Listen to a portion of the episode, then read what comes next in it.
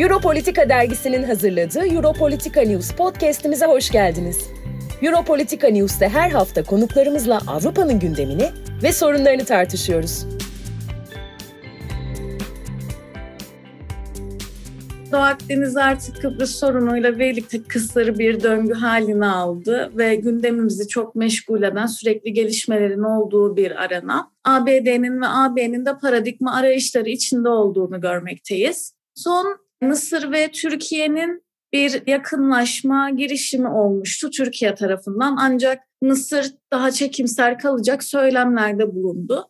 Yakın zamanda bu gelişmeleri Akdeniz'in stratejik önemi açısından siz nasıl değerlendirirsiniz? Bir işbirliği muhtemel midir Yunanistan'la karşılaştırdığımızda?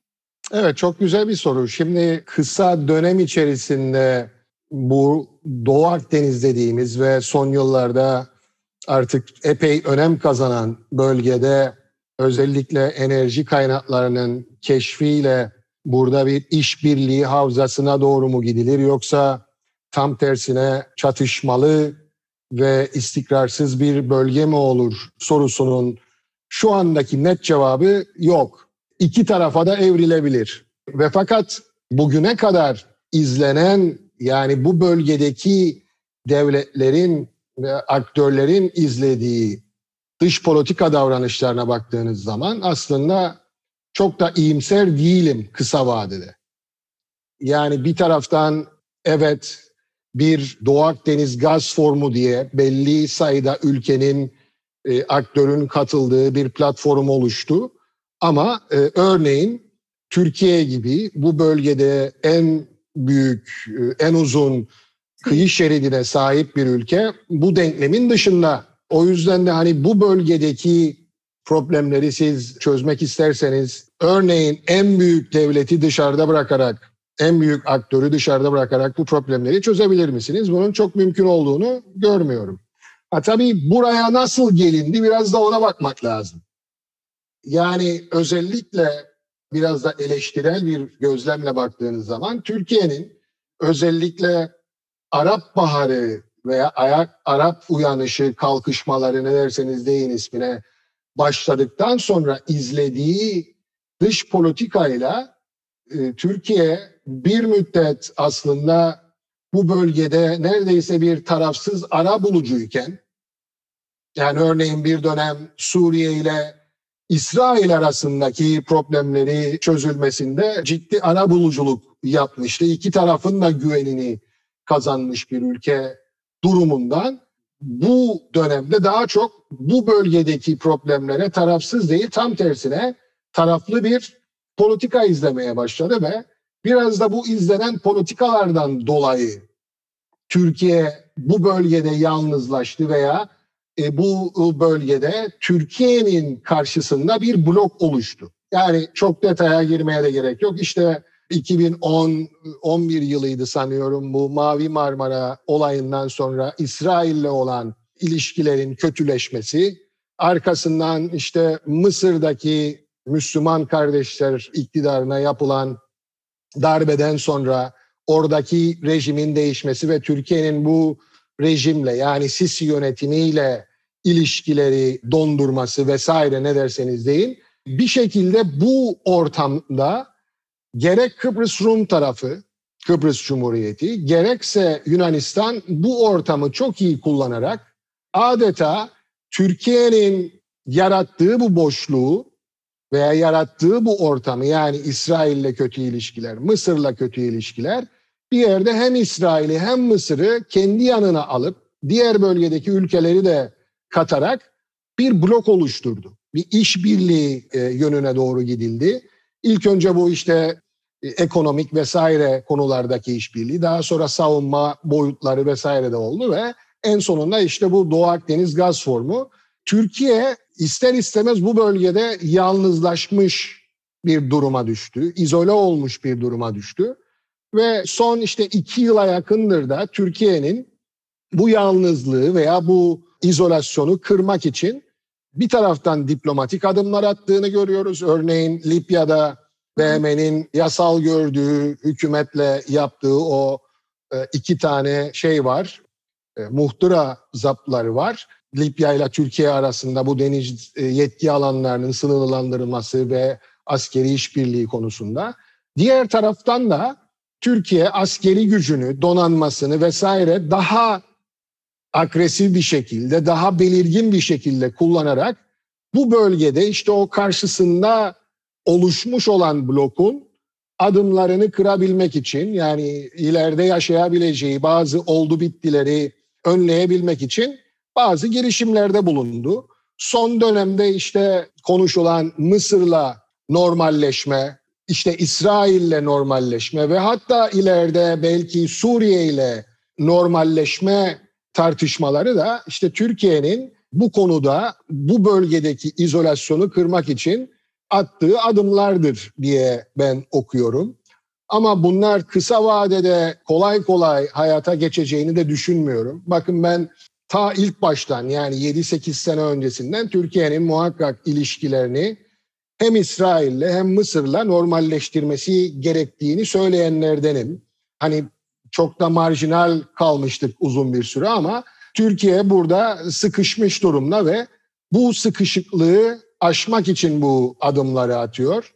Ama son 7-8 yıldır da köprülerin altından çok sular geçti diye düşünüyorum. Yani zaman alacaktır bu ilişkilerin tamiri gerek İsrail'le gerek Mısır'la ve hatta tamamen normalleşmeye gitse bile Türkiye, Mısır ve İsrail'le bu Mısır ve İsrail'in son 7-8 yılda, son 10 yılda Kıbrıs Rum tarafıyla ve Yunanistan'la yaptığı anlaşmalar, işbirliklerini sıfırlamayacaktır.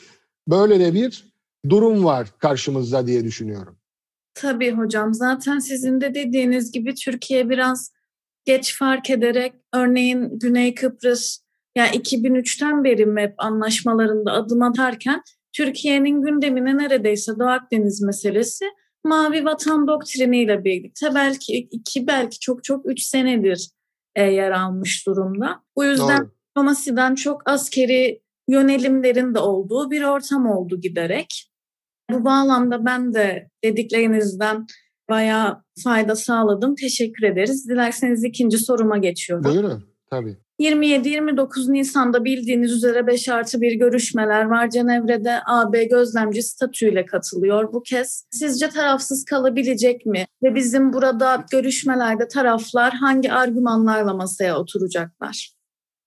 Şimdi Avrupa Birliği konusu ve Avrupa Birliği'nin son 16-17 yıldır yani işte 2000'lerin başlarına çekersek müzakerelerde bir taraf olma durumu yeni bir şey değil. Yani ta Bürgenstock'tan beridir hatta öncesinden yani Annan planı döneminden itibaren Avrupa Birliği gözlemci olarak bu müzakerelere katılıyor. Bunun da mantığı nedir? E, çünkü 2004 yılında artık fiilen adanın tümü yani Kıbrıs Cumhuriyeti adı altında Avrupa Birliği'nin tam üyesidir. Ama Avrupa Birliği müktesebatı 2004'ten itibaren e, kuzeyde askıdadır. Ta ki bir çözüm olana kadar. Son işte Cenevre'de 2016, işte ondan sonra Montpellerin ve 2017 Kran Montana'da Avrupa Birliği gözlemci olarak katılıyor. Tabii tam bir taraf değil. Bu e, konuda Türk tarafının çünkü çok ciddi çekinceleri var ve bunlar meşru çekincelerdir diye de katılıyorum açıkçası. Çünkü bakınız Kıbrıs Rum tarafı işte Kıbrıs Cumhuriyeti adı altında ve işte Yunanistan Avrupa Birliği'ne tam üye olduklarından dolayı birliğin Kıbrıs konusunda tarafsız olabilmesi neredeyse imkansız. Çok zor. Bunun da tabii örneklerini yaşadık. Yani 2004 e, hemen referandumundan sonra konseyin aldığı karar vardı. İşte serbest ticaret ve e, mali yardım tüzükleri. Bu Rum tarafı aday olduktan sonra uzun bir süre e, bu e, tüzükler geçmedi.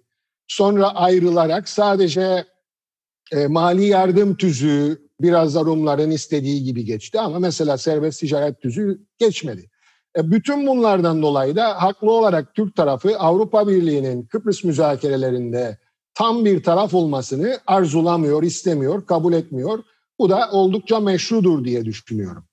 Avrupa Birliği tam olarak bu dediğim sebeplerden dolayı Kıbrıs meselesinde tarafsız olamaz ama Avrupa Birliği'nin de bir şekilde gözlemci statüyle orada olması gerekiyor ki eğer Kıbrıs konusunda bir çözüm olacaksa bu çözümün bir şekilde Avrupa Birliği müktesebatıyla uyumlu olması gerekiyor ve yani burada Avrupa Birliği'nin rolü teknik, hukuki vesaire yardımlar önermesidir, yardımlar yapmasıdır. Orada bunun için bulunması gerekir diye düşünüyorum ben.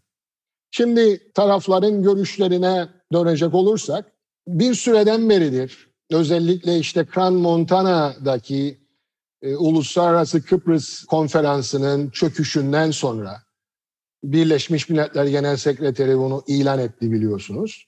E, giderek Türk tarafının Kıbrıs konusundaki pozisyonunun değiştiğini görüyoruz. Yani o geleneksel federasyon bir Türk teziydi. O yüzden de biz e, Kıbrıs'ta iki bölgeli, iki toplumlu federasyonu savunuyoruz pozisyonundan giderek en azından söylemde bunu değiştirdiğini ve özellikle de son bir yılda Kuzey Kıbrıs'ta yapılan e, Cumhurbaşkanlığı seçimlerinde Türkiye'nin aldığı pozisyon ve Türkiye'nin desteklediği adayın Cumhurbaşkanı olması ve onun da artık Kıbrıs'ta federal çözüm ölmüştür. Bundan sonra biz egemen eşitliğe dayalı iki devletin işbirliğine dayalı bir çözümü savunacağız söylemine gelmiştir. Şu anda söylem olarak Türk tarafı Kuzey Kıbrıs tarafıyla bunu savunuyor en azından söylem bazında. Kıbrıs Rum tarafında ise durum biraz daha değişik. Ee, orada tabii şöyle bir karmaşık durum var. 2017'de aslında taraflar bir çözüme en azından kağıt üzerinde çok yaklaşmıştı. Bir federal çözüme. Ve artık bu bir sır değil. Masayı terk eden tarafın da son kertede Kıbrıs Rum toplumu lideri Nikos Anastasiadis olduğu da bariz bir şekilde biliniyor. Ve hatta orada Dışişleri Bakanı Çavuşoğlu'na söylediği sözler var diye hep söyleniyor. Ben böyle bir e, anlaşmayı yani iki bölgeli, iki toplumlu, siyasi eşitliğe dayalı bir anlaşmayı Kıbrıs Rum toplumuna kabul ettiremem. Benim işte 6-7 ay sonra Cumhurbaşkanlığı seçimlerim var. Bırakın ben döneyim, seçimleri yapayım. Tekrardan seçimleri kazandıktan sonra oturur. Diğer çözümleri de ki işte iki devletli çözüm de buna dahil kabilinde söylemleri olduğu iddia ediliyor. Ve fakat tabii son üç küsür yılda Nikos Anastasiadis'in bu konuda epey patinaj yaptığını da görüyoruz. Yani bir taraftan belki kapalı kapılar ardında bu söylemleri yapıyor. Ama içeride şunu diyor, hayır ben öyle bir şey e, söylemedim. Ben aslında söylediğim işte muğlak bir federasyon olsun. Yani kanat devletlerin daha çok yetkileri olduğu, merkezi hükümetin daha az yetkisi olduğu ve dolayısıyla daha az tıkanıklık yaşanacak bir sistemden bahsetti. Daha sonra değiştirdi işte desantralize bir federasyon dedi vesaire. Yani böyle böyle iki yıl gibi bir zaman akıp geçti. En son sanıyorum Kasım 2019'da e, Berlin'de bir zirve oldu. E, Türk tarafının daha doğrusu Türkiye'nin de çok böyle istemediği bir görüşmeydi bu. E, bir önceki Cumhurbaşkanı Mustafa Akıncı ile Anastasiadis'in buluşturulduğu BM Genel Sekreteri gözetiminde bir üçlü toplantı oldu Berlin'de ve orada her iki tarafta bundan sonraki müzakerelerin zemininin federal zemin olacağını teyit ettiler. Ama dediğim gibi biraz önce son bir yıldır özellikle Türk tarafı bu, bunu söylem bazında tamamen değiştirip iki devletli çözüm modelini savunuyor. Şimdi böyle bir durumda Nisan ayında gerçekleştirilecek olan bu gayri resmi toplantıdan ne bekleriz diye soracak olursanız bu söylemler iki tarafın yani bir taraf iki devletli, diğeri hayır federal e, zeminde müzakereler başlasın da ısrarı devam ederse e, bundan pek bir şey çıkmayacaktır. Hmm. Ama e, bu toplantı gayri resmi bir şekilde yapılacak. Bunun da amacı şudur. Yani taraflar gelsinler, yani tabiri caizse ben şey diyorum, eteklerindeki taşları döksünler ve orada görelim bakalım hani iki tarafın da ortak bir vizyonda buluşup ileriye adım atabilecek bir zemin var mı yok mu? Birleşmiş Milletler bunu tespit etmeye çalışacaktır bu gayri resmi e, müzakerelerde. Hocam e, iki devletlilik söylemi üzerinde çok durdunuz. Söylem olduğuna dair tekrarladınız bunu. Çünkü icraate dökülmesi bayağı sancılı bir süreç geçirecek gibi duruyor böyle bir şeyin olması durumunda. Zaten konjonktürde hali hazırda böyle bir şey rasyonel bir model midir sizce? Şimdi bakın müzakere zeminini kim belirler? Bu soru çok önemli. Şimdi müzakere zeminini iki tane uyuşmaz taraf belirler. Hani bazen yanılgıya düşüp insanlar şey diyor işte BM parametreleri. Hayır BM parametresi yoktur. Bunlar iki tarafın parametreleridir. E, tabii müzakereler BM gözetiminde yapıldığı için de hani BM de bu parametreler ışığında müzakereleri fasilite eder, kolaylaştırır vesaire. Şimdi nereye dayanıyor bu parametreler? Bu parametreler 1977 Makarios Denktaş ve 1979 Denktaş Kipriano Doruk anlaşmalarına dayanır. Orada karar verildi ki Kıbrıs'taki çözüm bir federal devletin kurulmasıyla ve bu devletin anayasal olarak iki toplumlu ve bölgesel olarak iki bölgeli olacağı şeklinde ve bundan sonraki tüm müzakerelerin temelini de bu parametreler oluşturacağını kabul etmiştir. Bunu dediğim gibi Sayın rahmetli Rauf Denktaş, yine merhum Makarios ve merhum e, Spiros Kipriano 77-79 Doruk anlaşmalarında kabul etmişti. Şimdi eğer taraflardan bir tanesi bundan memnun değilse bu parametrelerden ve bunları değiştirmek ister, bunu deneyebilir. Ama bunların kabul görmesi için ikna edilmesi gereken taraf diğer taraftır. Yani Kıbrıs Rum tarafıdır. E şimdi Kıbrıs Rum tarafı iki devletli e, bir çözüm zeminini kabul eder mi diye sorarsanız ben bunun en azından şu anda imkansız olduğunu düşünüyorum.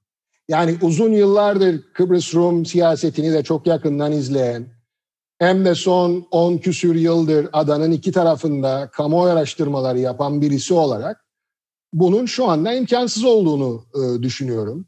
Yani Kıbrıs Rum toplumunda, Kıbrıs Rum siyasi eliti arasında, siyasi parti liderleri vesaire arasında açık açık iki devletli e, çözümü bırakın savunmayı tartışmaya bile açabilecek e, cesarette ve e, güçte bir siyasi elitin olduğunu düşünmüyorum.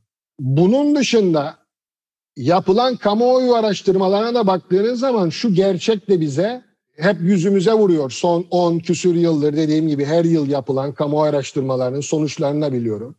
Kıbrıs'ta alternatif çözüm modellerini iki tarafta da kamuoyunda test etmiş birisi olarak hep şu çıkıyor bu kamuoyu araştırmalarında. Kıbrıs Rumlarının birinci tercihi üniter devlet, ikinci tercihi iki bölgeli, iki toplumlu bir federasyon. Kıbrıs Türklerinin birinci tercihi ise iki devlet, ikinci tercihleri iki bölgeli, iki toplumlu federasyon. Ee, diğer e, alternatif şeyler var. İşte konfederasyon gibi veya statükonun devamı veya işte kuzeyin Türkiye'ye ilhakı gibi bütün bunları da test ettik. Ve hep şu çıktı. Eğer siz iki tarafın çoğunluğunun bir referandumdan çıkabilecek bir e, sonucu istiyorsanız beğenelim beğenmeyelim iki bölgeli iki toplumlu federasyon dışında başka bir seçenek yok. Çünkü diğer seçenekler yani üniter devlet veya iki devlet ya bir tarafça ya iki tarafça reddediliyor. Eğer siz hani e, ta anlam planından beri artık prensip olan Kıbrıs'ta bir çözüm metnini iki lider bulacaktır ama bu çözüm metni daha sonra iki tarafın eş zamanlı ayrı referandumuna konacaktır prensibini de göz önünde bulundurursanız iki taraftan da geçebilecek yegane alternatif kamu araştırmaları sonuçlarına göre iki bölgeli iki toplumlu federasyondur. O yüzden de ben iki devlet konusunda ısrar edilmesinin e, Rum tarafını ikna edeceğini düşünmüyorum ve e, böyle gidilirse de bu müzakerelerden bir sonuç çıkacağını düşünmüyorum. Evet hocam dediğiniz gibi günün sonunda yine bireysel ve insan sujesini e, ele alan bir ortamda hani en ileriye gittiğimiz nokta nasıl ki anlamda referandumsa böyle olasılıklı bir durumda da yine iki halk belirleyecek. Ve dediğiniz karşılaştırmalara bakıldığında iki devletlilikte rasyonalitesi gerçekten tartışılır bir durum. Siz Doruk Antlaşmalarında federasyonun üzerinde hem fikir olunduğunu söylediniz. Peki yine 74 sonrası herhangi bir BM kararında iki devlet ile engel olan maddeler var mı?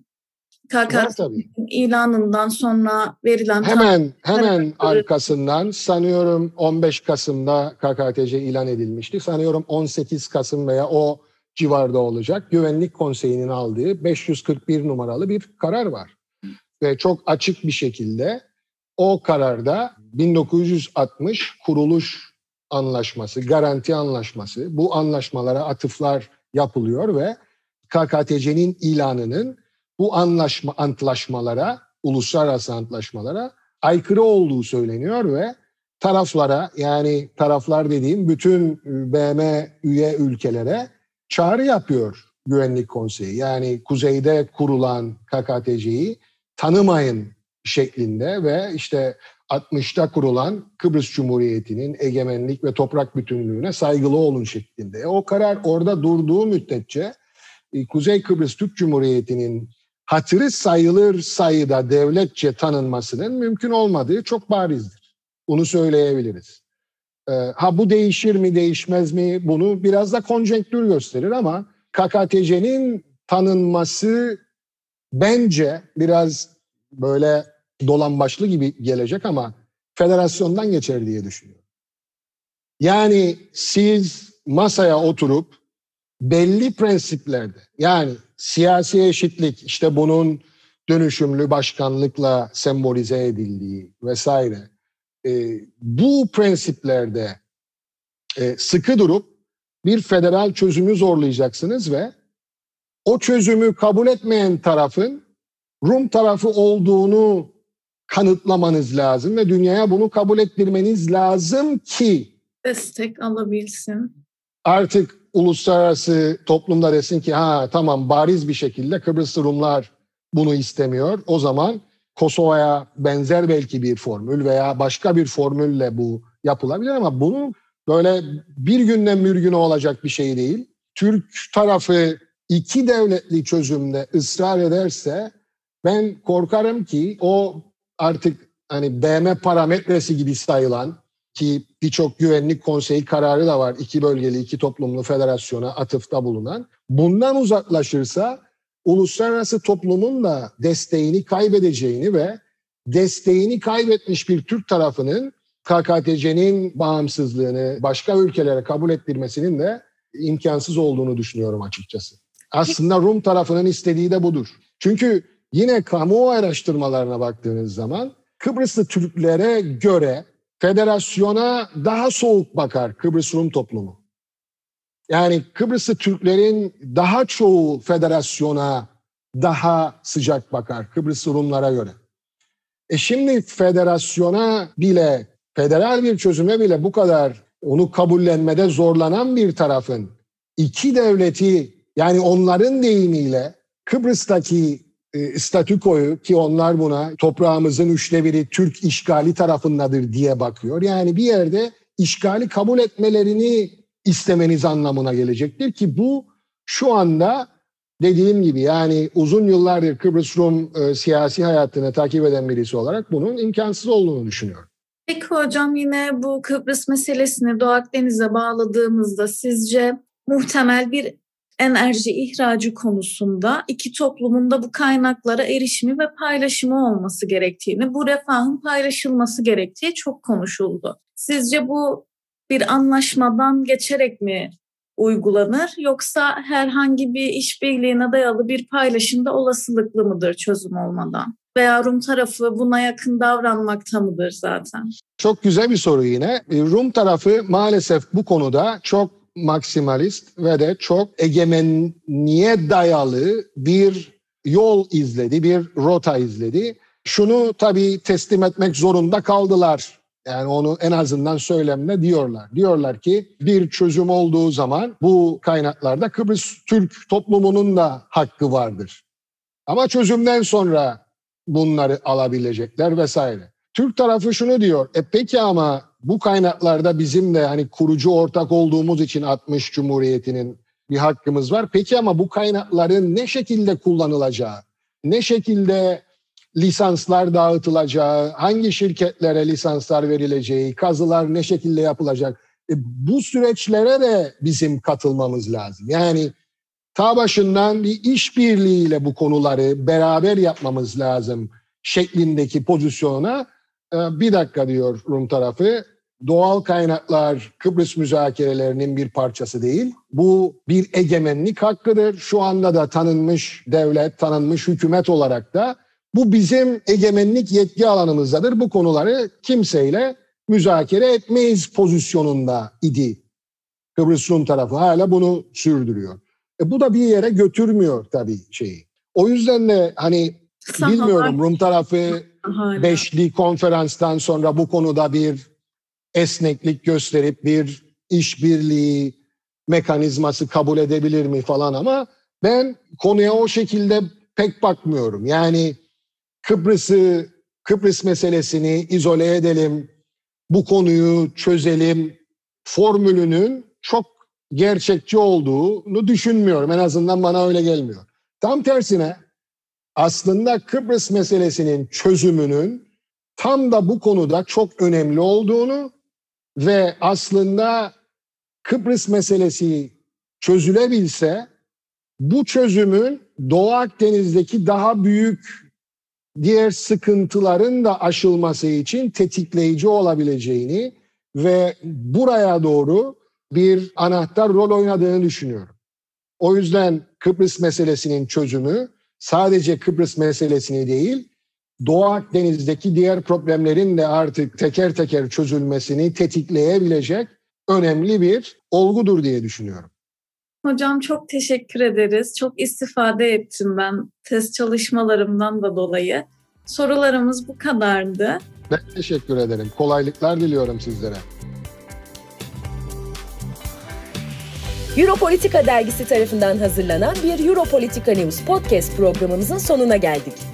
Avrupa'nın yeni bir gündem ve yeni bir konuyla sizlerle birlikte olmak ümidiyle hoşçakalın.